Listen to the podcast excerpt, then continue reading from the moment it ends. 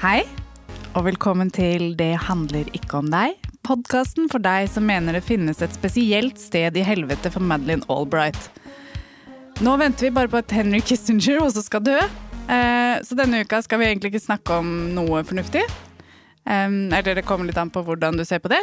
Vi har vært veldig flinke de siste månedene, om vi får synes selv.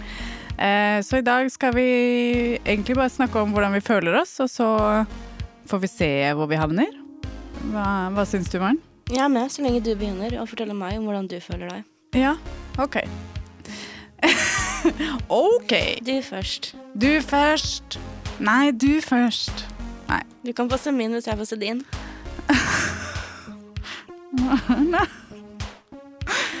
um, altså, det er vanskelig å begynne, fordi jeg vil jo egentlig uh, Nei.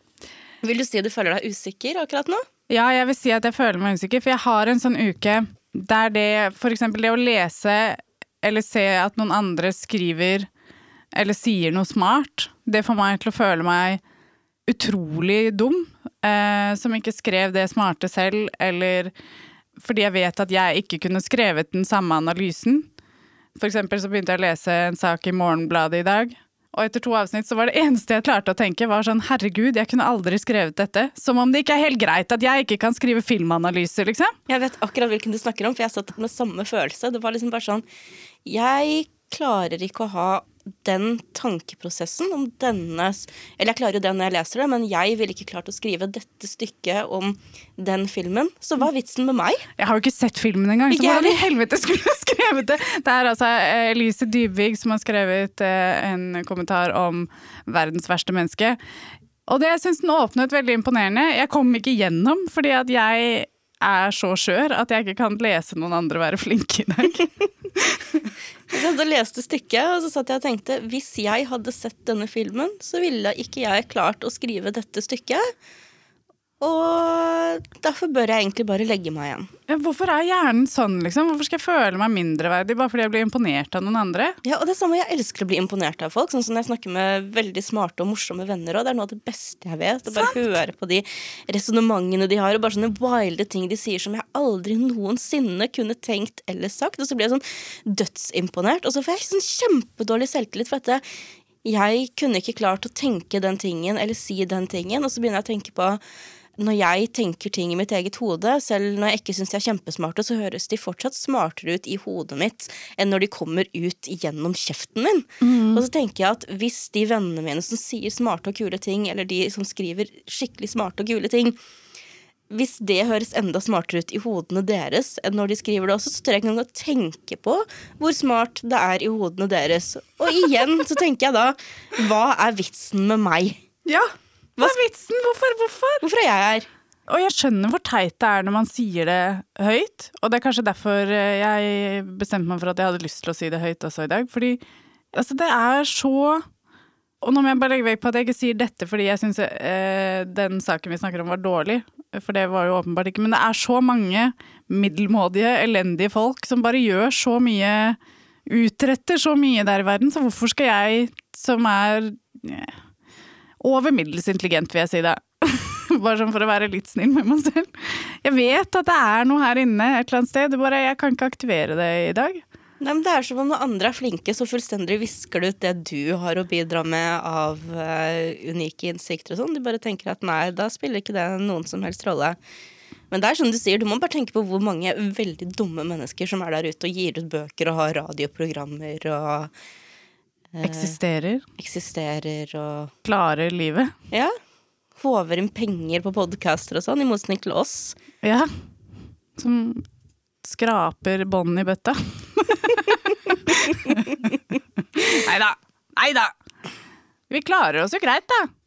Da vi startet uh, denne podkasten, så sa vi til hverandre at vi kommer til å lage en episode kanskje maks annenhver uke. Og at det var helt greit, fordi dette skal være et overskuddsprosjekt. Det skal eh, være gledesbasert, og vi skal ikke presse oss selv til å gjøre mer enn vi klarer. Men fy faen, vi klarer jo dritmye. Lagd, hvor mange episoder har vi lagd? 17-18? Det nærmer seg 20 i hvert fall. Ja. Så jeg hadde ikke sett det for meg selv. Jeg kunne fint sett det for deg. Men Jeg kunne ikke det.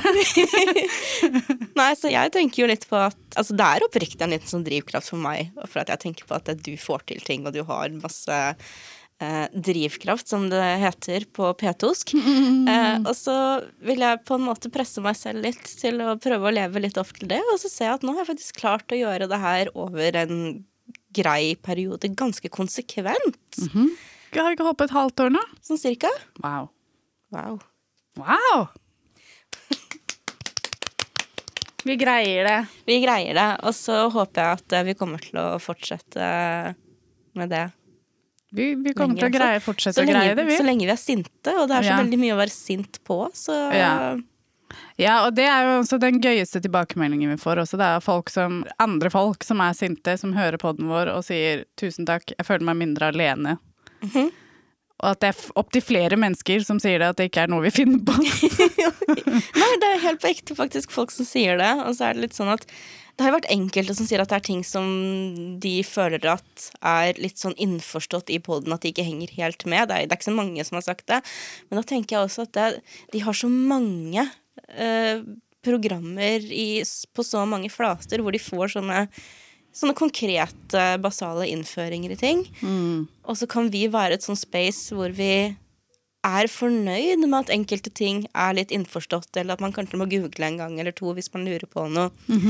Sånn at de ganske mange av oss som sitter ute og bare skulle ønske at vi hadde noe som vi kunne kjenne oss igjen i, har det.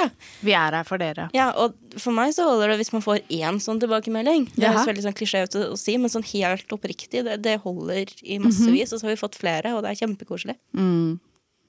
Men noe av grunnen til at jeg føler meg eh, så dum denne uken, da, bare for å si at det kommer jo ikke ut av ingenting, eh, er at eh, jeg har en tendens til å bli litt sånn virvelvind iblant. Og jeg lar meg gjerne bli dratt med i virvelvinder. Eh, men jeg har da veldig på impuls gått inn i en ganske dyr ADHD-utredning. Og det er ikke helt sånn at det kommer fra ingen steder, for det er noe jeg har tenkt på og lurt på siden jeg var tenåring, fordi jeg sliter med konsentrasjon og fokus.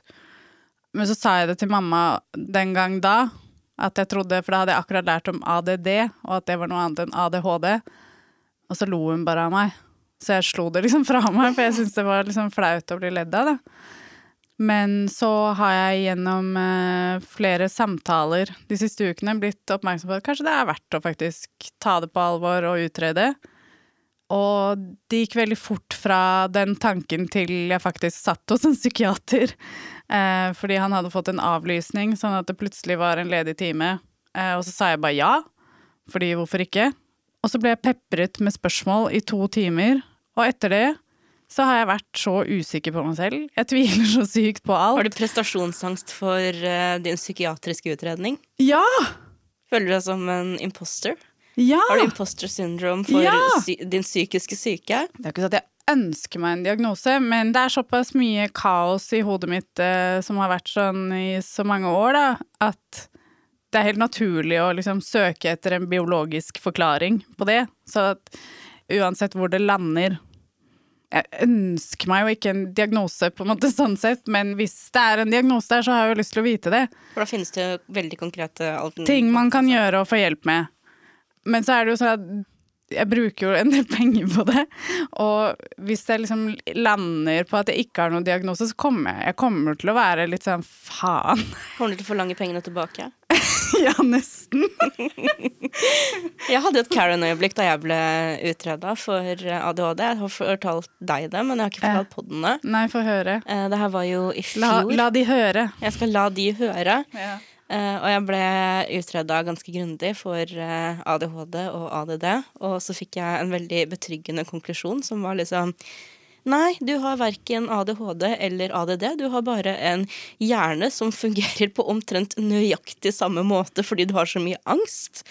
Og jeg bare ok, kult, for det har psykiateren min sagt at jeg kommer til å ha resten av livet, sannsynligvis. Bare at Ja, ok, greit, ikke sant? Så fint.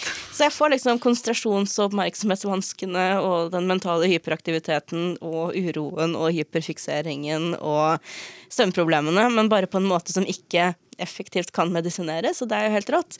Ja, Men, amazing! men det er ikke noe mot et av de andre punktene i epikrisen min.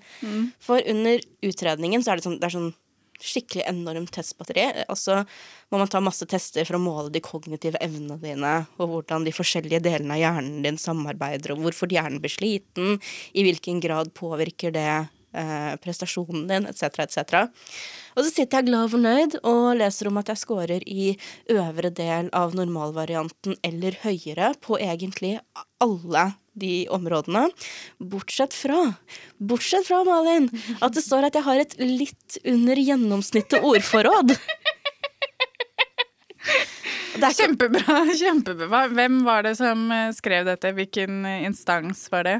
Jeg vet ikke om jeg vil si navnet, for de var Hvilken tittel Eh, hadde hen? Nevropsykolog. Ja. Så det var høres ut som en eh, veldig bra og observant nevropsykolog.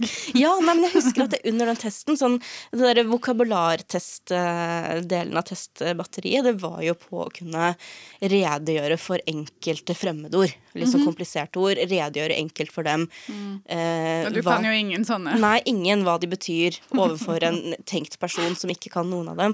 Og så husker jeg at det er noen som nesten lureord på slutten som ingen vet hva betyr. Og så kunne jeg dem, og så var hun dame sånn Ja, ok, se på deg, liksom. Og hyggelig.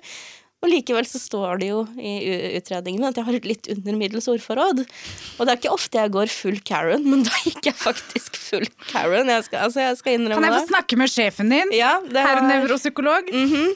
Ja, Fru ja, nevropsykolog. unnskyld. Jeg bare gikk ut fra at det var en mann. Ja, det, jeg skjønner det. Det er min internaliserte misogyni. Så vidt jeg vet, så ble jo det ordna opp i, da, men jeg har ikke fått noen sånn oppdatert eh, epikrise. Og så går jeg og Så det står der fortsatt? Jeg vet ikke. De, de sa at det var i orden. Men tenk om hele utregningen av resultatene mine kan ha vært like slurvete, da. Og at jeg egentlig har eh, ADD likevel, og ikke lammende angst. Eller jeg har jo det også, men Det er jo veldig mange kvinner som blir feildiagnosert. Det.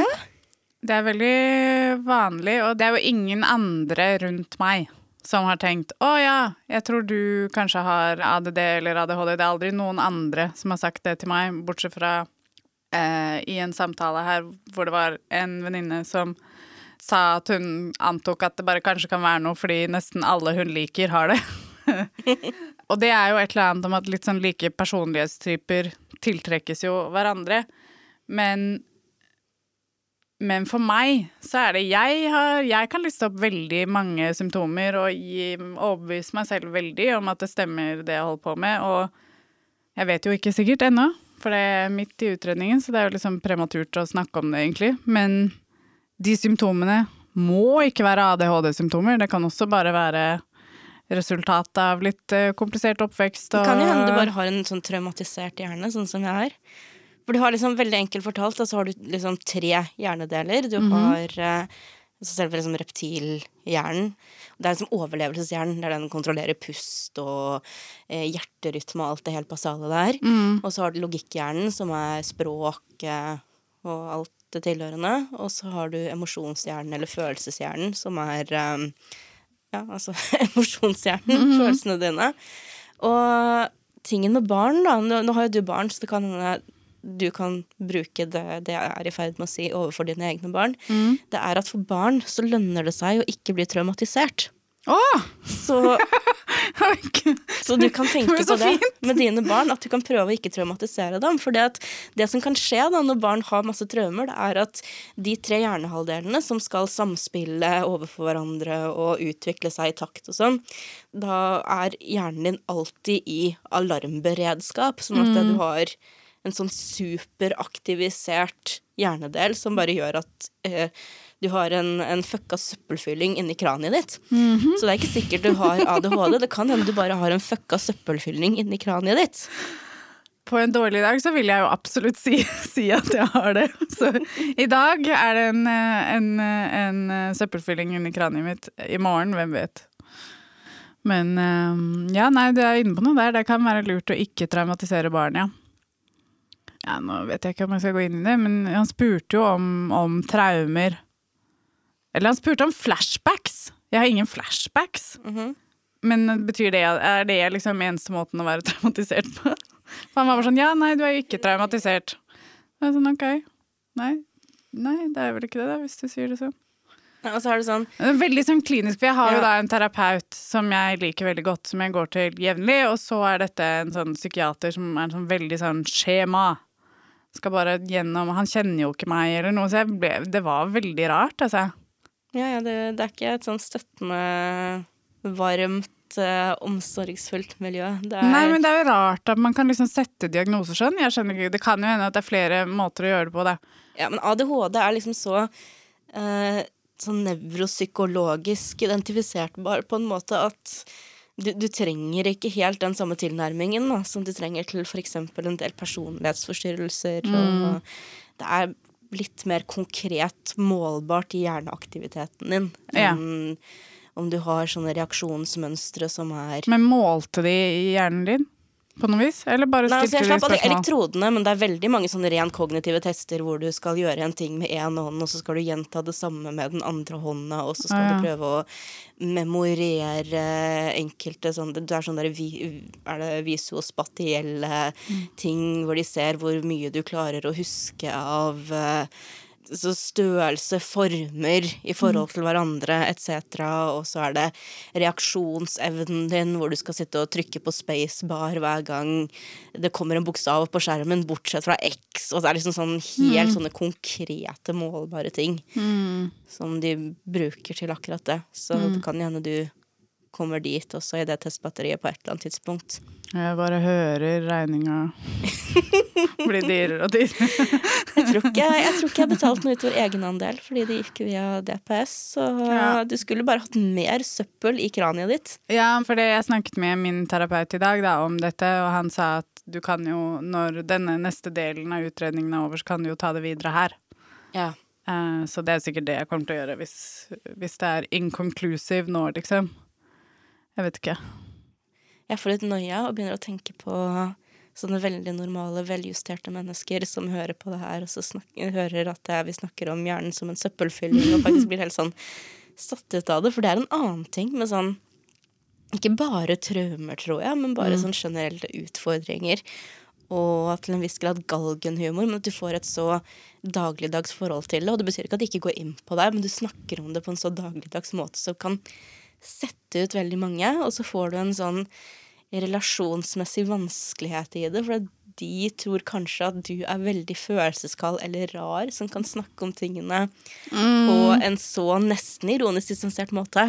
Jeg tror egentlig at ingen av våre lyttere Nei, er så normale. Nei, det har du faktisk faen meg rett i. Jeg tror, eh, som jeg sa i stad, at eh, vi tiltrekkes hverandre, vi som er på Vi som er et sted på dette, dette spekteret. Ja. Jeg hadde en samtale så sent som i går med noen eh, jeg har en nær relasjon til, om at når vi opplever ting som er kanskje veldig store og omveltende, som kan traumatisere den beste, og sikkert hadde vært en ganske sånn stor event for veldig mange, eller jeg tror eh, han jeg snakka med, liksom sammenligna det med invasjonen av Ukraina for mange, og for oss så er det liksom onsdag, for å parafrasere kunstfilmen Street Fighter. Det er ikke så ofte lenger at jeg treffer folk som reagerer sånn når man sier sånne ting, men eh, det skjer innimellom, og da blir jeg sånn oi. Ja, og det er liksom diskrepans der òg, for folk jeg omgir meg med, og jeg tror også våre patrons, folk som liker vår podkast, de vil være mer på, på vårt nivå der. Men desto mer sjokkert blir jeg de relativt mange gangene jeg må innse at det er faktisk ikke det som er gjeldende for de aller fleste. Så hver gang noen reagerer annerledes enn de jeg er vant med å omgås, så liksom blir det sånn satt ut, så blir jeg satt ut av det. Men så kan jeg bare prøve å tenke at hvis man ser på for eksempel noe så basalt som popkultur, ikke sant, der er det jo For meg er det veldig fremmedgjørende. For der er det hele tiden Jeg føler at all norsk film og TV handler om folk som har eksistensielle kriser etter et arveoppgjør fordi at det er et stort sommerhus på Hvaler. Eller hvis det er en komedie, så er det en mann som får diaré foran sin prippende svigermor. Og jeg relaterer mer til Hellemyrsfolket enn jeg gjør til Side om side. Så jeg, det blir liksom Ja, altså, jeg, klar, jeg, jeg har ikke lyst til å omtale norsk film og TV som popkultur engang, for jeg klarer ikke å konsumere det. For det meste, liksom. Det er veldig mange som sier sånn 'Å, du burde se den, og du burde se det', og så er jeg sånn mm. Men jeg blir så flau jeg, når jeg ser på det, for jeg skjønner ikke. Jeg kan ikke relatere litt til det, liksom. Ikke heller. Og så er det åpenbart så mange hundretusener som kan det, og jeg bare Hvem er alle de vanlige menneskene her? Hvem Det er de som stemte på Arbeiderpartiet. Eller? Ja, men statistisk sett bør jeg ikke liksom kjenne noen av dem. Jeg det blir så Det er noe, liksom, noe der som resonnerer hos dem, og det er åpenbart så mange. Mm. Har du sett Side om side, Peter? Nei. Prøver å involvere Nei, jeg eh, bare lydmannen sjekker, vår. Jeg bare sjekker. Lydmannen vår. Faen, Produsenten vår. Produsenten vår. Vår husalv. Vår lille, vår lille rotte som lever i luftsjaktene. Prøver bare å få han til å le høyt.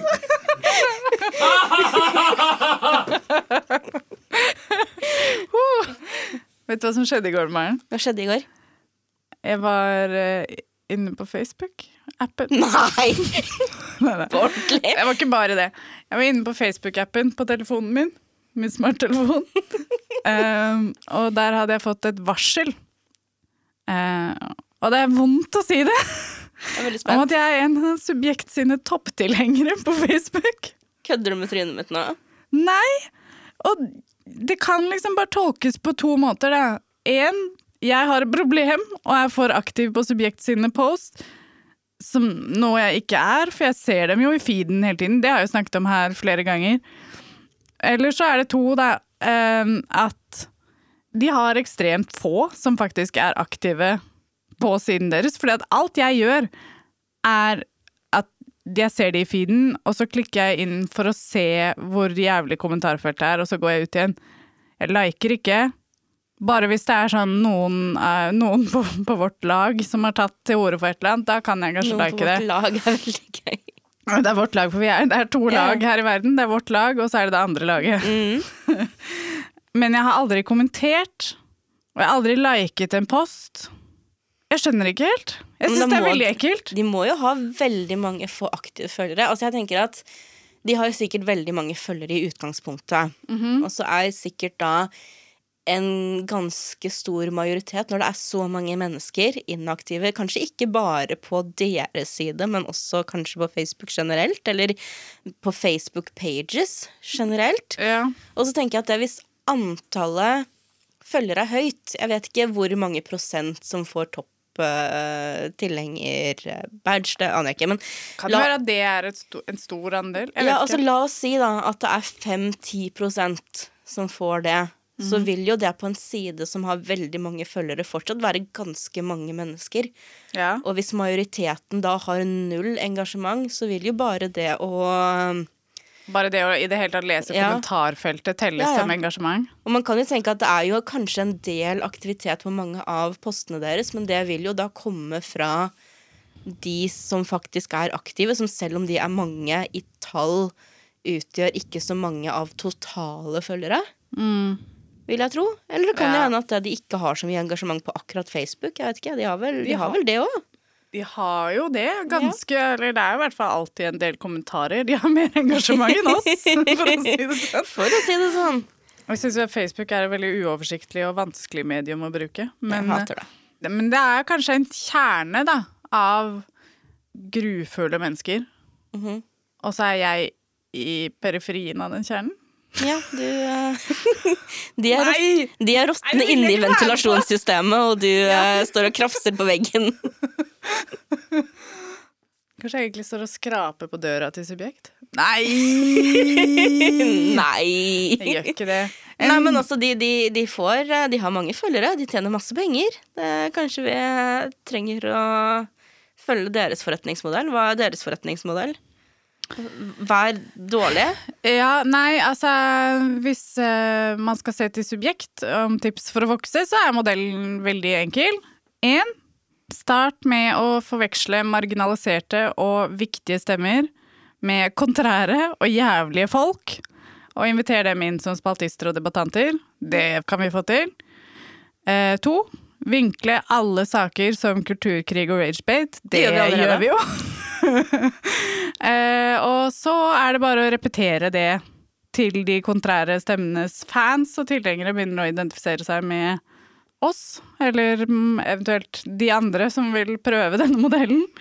Eh, I den grad at de tegner abonnement. Og vips, så har du etablert deg som Resett for Westerdals-studenter og andre unge kontrære hipstere.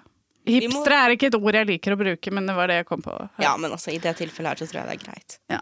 Vi må kvotere inn mer antisemittisme. Er vel uh... Ja, men Og det rasisme. har jo de gjort den siste uka. Ja. det har de gjort. Ja, de har, altså, og da, ikke, Herregud! ikke bare litt engang. Altså, jeg sier ikke at litt antisemittisme er greit, men de har virkelig bare gått full throttle på Ja.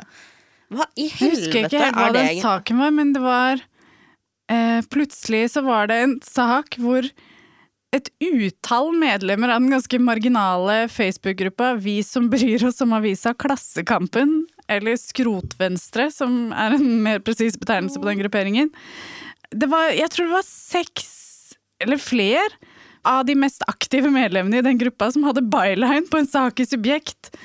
Og dette er mennesker som er liksom så ute at de blir refusert av Bjørgulf Brånen i Klassekampen. Men, og hva gjør man da? For- da går man til subjekt. Ja. Ja, nei, men altså, Det har jo mildt sagt blåst rundt Klassekampen og Bjørgulf Brånen for de stemmene, veldig ytterliggående stemmene de slipper til. Ja. Veldig ukritisk. Så når du til og med blir refusert derfra, da Hvorfor finnes det på en måte ikke noe ytterpunkt for hvor vi kan sette en sånn Vet du hva, her er vi faktisk så på siden av det som i det hele tatt er på noen som helst måte rasjonelt at det har ingen offentlig verdi. Hvorfor har vi kommet til et sånt punkt hvor det er noen som har bestemt seg for at ting som er så ytterliggående, er interessante bare i kraft av å være så ytterliggående? Det er ikke sånn ting fungerer. Det fungerer jo for subjekt, for det er det deres økonomiske vekst Men nå har de jo sikkert fått litt pushback, da. fall Ja. sånn, altså, det kan jo hende det er en sånn ekkokammergreie for min del, men jeg ser jo at det er noen som faktisk har begynt å sette ned foten ja. og som har kanskje gitt subjekt litt slack før, og sagt at eh, Ja. nei, men de utfordrer i det minste etablerte narrativer og sånn, som nå Ja. sier at vet du hva, det, et sted går faktisk grensen. ja. Og ved å liksom publisere tidligere vigridere som Det var vel Martin Bjørnersen som, eh, Ja, han var den som, første jeg så i eh, ja, min- som, var veldig aktiv, som har vært veldig aktiv med å si fra om det den siste uka. Jeg blir jo glad da, når jeg ser folk som han, da, som jeg tror eh, kan nå ut til både den ene og den andre, si fra. Og så har jeg sett flere kunstnere som jeg setter veldig pris på, som uh, Marte Elise og Sunniva Havstein og Melanie Kitty. Altså, Melanie Kitty har brukt mye tid på det, og er veldig tøff som orker å si fra så ofte. Ja, Hun er veldig konsekvent på Men eh, derfor så blir jeg også veldig glad å se at en For eksempel da Martin Bjørnersen eh, gjør det, fordi han er på en måte helt, en helt annen del av kulturbransjen. Da. Mm. Eh, og jeg tror at mye sånn musikkbransje og sånn kan være litt sånn blinde. Blinde for subjekt, og sikkert flere altså, kunstmiljøer også er jo litt blinde for det, åpenbart. Men, men der er det liksom stykkevis og delt. Da. Det er noen som er veldig tydelige og veldig konsekvente, og så er det andre som kanskje ikke orker. Som jeg også for så vidt Ja, det forstår. er Full forståelse for, men Ja, for det er jo det som er konklusjonen min, da. Etter å ha fått en, en liten støkk, kan man si, av eh, varslingen, som det heter på norsk, om eh, at jeg er topptilhenger av Subjekt. Så har jeg jo tenkt at eh, kanskje jeg burde ta ansvar for min egen feed, og passe på at jeg faktisk ser mer av det jeg har lyst til å se, og mindre av ting som bare gjør meg deprimert og sint og frustrert og lei meg. kan være lurt. Det kan være lurt, og det er en, en jeg følger på Instagram som uh, snakker mye om det å liksom gjøre sin uh, algoritme eller sin feed da, til en sånn digital resting space. Og det går an. Jeg har gjort det på Instagram, ordner jeg meg litt mer sånn. Passer på å klikke vekk. Eller si fra når jeg ser i den Discover-feeden, eller eh, Det kommer jo også sånn denne, Du ser denne fordi du likte noe av denne. Og hvis det er noe som trigger meg, så sier jeg jo sånn Nei, dette vil jeg ikke se. Og så slipper jeg å se det. Og så blir jo fin mye bedre, og så burde jeg jo kanskje gjøre, gjøre ta grep, da. Og gjøre det samme på Facebook. Men så har jeg, begynner jeg også å lure på sånn, er det feigt å tenke sånn? Nei. Det er Altså- ikke det. Nei, men altså, med forbehold, da, som alt her i verden, det er åpenbart et problem hvis du bevisst velger vekk alt som kan utfordre eller utvikle ditt syn på verden generelt, men det er ikke det du gjør. Vi vet jo, det er godt dokumentert, at ting som trigger deg, ting som gjør deg sint, ting som gjør deg lei deg, er ting som de sosiale mediene penser inn mot deg for å kapitalisere på, for det får de voldsomme reaksjonene. Så slik sett er det også veldig forbrukermakt å Ja. si nei til det. Ikke feigt i det hele tatt. Og så er det jo også det at de fleste av oss sitter og stirrer på en skjerm i opptil flere timer hver eneste dag. Så det er et mentalt hygienetiltak å, å kanskje kuratere den feeden. Igjen, jeg har allerede tatt det forbeholdet, men jeg sier det igjen, at hvis du bare kun lager deg noe som reflekterer en behagelig virkelighet og ikke noe annet, så er jo det et problem. Men hjernene våre har ikke plass til alt absolutt hele tiden. Og da har vi all rett til å velge bort ting som aktivt trigger oss og forverrer livskvaliteten vår, spesielt når vi også vet, med konkrete tall, hvor mange mennesker som får livskvaliteten sin forringa pga. folk eller ting som de sitter og ser på i sosiale medier. Så nei, det er ikke feigt i det hele tatt, med mindre du virkelig setter på skylapper. Men det er ikke sånn at du har en moralsk plikt til å konsumere absolutt alt hele tiden. Takk for det. For en ting som jeg har dårlig samvittighet for eh, på en måte, eller som vekker mindreverdighetskomplekset og bedragersyndrom i meg, er jo at jeg ikke Jeg klarer ikke å lese så veldig mye om krigen i Ukraina, eller følge så veldig mye med på det, eller se videoer, eller liksom gå i detaljene, da. Fordi jeg har ikke plass. Det er jo ikke det at jeg ikke får det med meg, og jeg har nå vippset en hundrelapp der og en hundrelapp der hvor jeg kan være med til forskjellige ting som man kan støtte, liksom. Men jeg klarer ikke å sitte og liksom følge med daglig. Jeg er mindre inne i nettaviser nå enn jeg har vært på lenge, altså sånn den siste måneden. Les mye mindre på VG. Bare fordi at eh, jeg hopper ut igjen. Jeg ser på overskriftene, og de er jo egentlig ikke så smart, men det handler om å beskytte min syke litt, da. Fordi jeg hadde gått så jævlig langt ned i kjelleren hvis jeg hadde sittet og sett på det i detalj hele tiden. Hvilken nytte ville du hatt om du hadde sittet og sett på det i detalj hele tiden? Og da mener jeg nytte for noen. Det er absolutt ingen som ville hatt nytte av det. Nå snakker jeg på at man ikke har en moralsk plikt til å ta inn alt hele tiden. På samme måte som at til en viss grad så har man en moralsk plikt som voksent menneske til å følge litt med på verdenssituasjonen. Og som du sier, det gjør du jo. Du er kjent med krigen i Ukraina. Og Jeg har hørt om du, det. Ja, du har hørt om den opptil flere ganger. Og du har vippsa penger. Du vet hva konturene og de viktigste tingene av situasjonen er. Og det er på en måte din plikt som borger. Det hjelper ingen at du sitter og følger med på hvert eneste sivile dødsfall i Mariupol, ikke sant?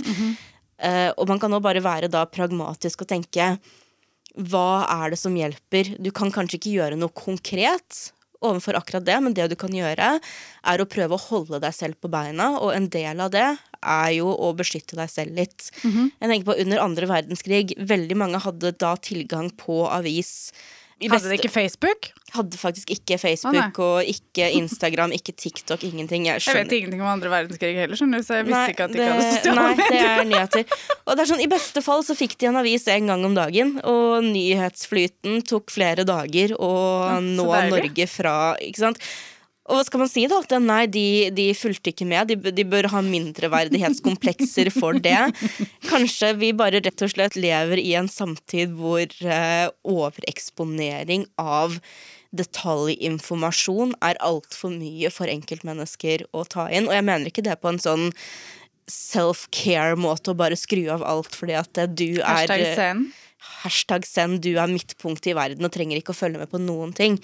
Eh, du bør være på et punkt hvor du faktisk kan ha fred med deg selv og vite at du følger med på eh, hendelsene i verden og bidrar på de små måtene du kan.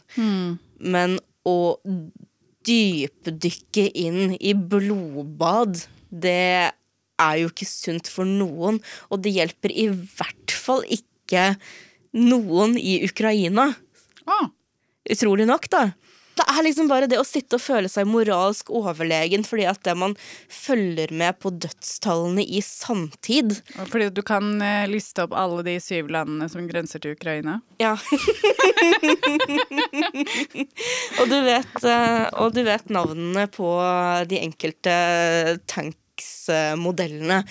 Eh, Det hjelper ikke. Det er, du må sette et skille mellom det som er nødvendig informasjon, og Vet du hvor mange tankser vi har i Norge? hvor mange? 36. 36 tankser. Skal vi stjele en? Eller nå husker jeg ikke hvor mange Russland hadde. Vi hadde mange flere enn oss, i hvert fall. Ja, men de har færre nå. Ja. Se, jeg Jo. visste noe!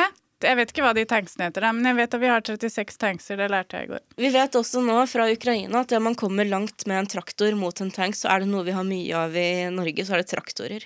Sant! Så, Det er jo betryggende. Ja. Kjempebra. En ting som, to ting som er bra med krigen i Ukraina. Den ene Famous last words. Men er at Anette Trettebergstuen slipper å lese Dostojevskij. Det har jeg fått med meg. mhm. Det hadde ikke hun lyst til. Det syns hun var teit. Det, Nå er han det- kansellert. det skulle hun melde ja, Nå er han kansellert. Eh, nummer to. Ida Bakke Volden fikk jobben som sentralbanksjef allikevel!